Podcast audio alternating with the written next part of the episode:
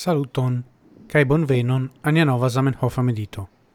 Hodio, mi volas legi alian el tiron el la congresso in Antwerpeno, quiu estis la fonto de nia hieraua medito, facte, el la sepa congresso quiu ocasis en iaro 1901.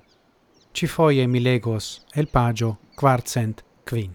Mi ne volas en la nuna momento defendi la proiecton, pri quiu vi en la plei proximae tagoi discutos.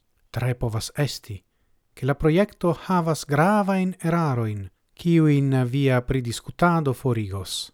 Tre povas esti, che la tuta proiecto montrigios ne acceptinda, cae tiam, viscias tion tre bone, mine penos altrudi gin al vi, ciel mine niam ion al vi altrudis.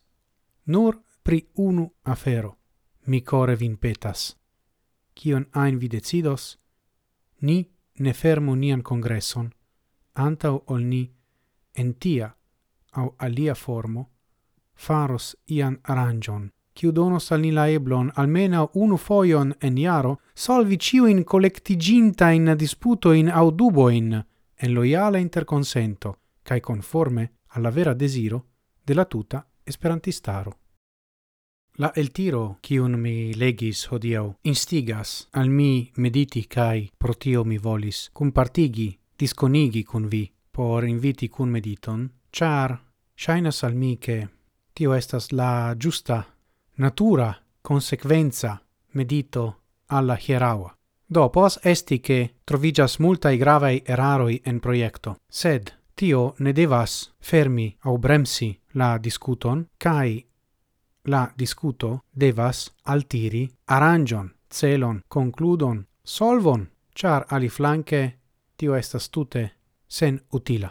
Mi pensas che la mi sperto almeno en la pasinta covima iaro estis multai sen utilei discutoi, qui facte portis al nenio, kai mine parolas a parte pri esperantistoi, sed pri la tuta homara conduto. Estas urgio, ni discutos por fari, ali case pli bone ne malspari la tempon kai eviti discutadon.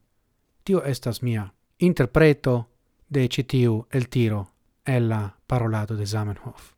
Do mi esperas che tio povas utili al vi, certe al mi utilis, kai restas nur por diri, dankon pro via atento, gis morgau, kai kiel ciam, antauen, sen fine.